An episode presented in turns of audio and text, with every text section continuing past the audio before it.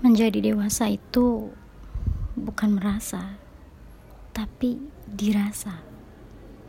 Bukan mengakui, tapi diakui. Bukan juga soal kata-katamu yang selalu bijak, tapi soal sepanjang apa pengalamanmu dibuat dan dibentuk.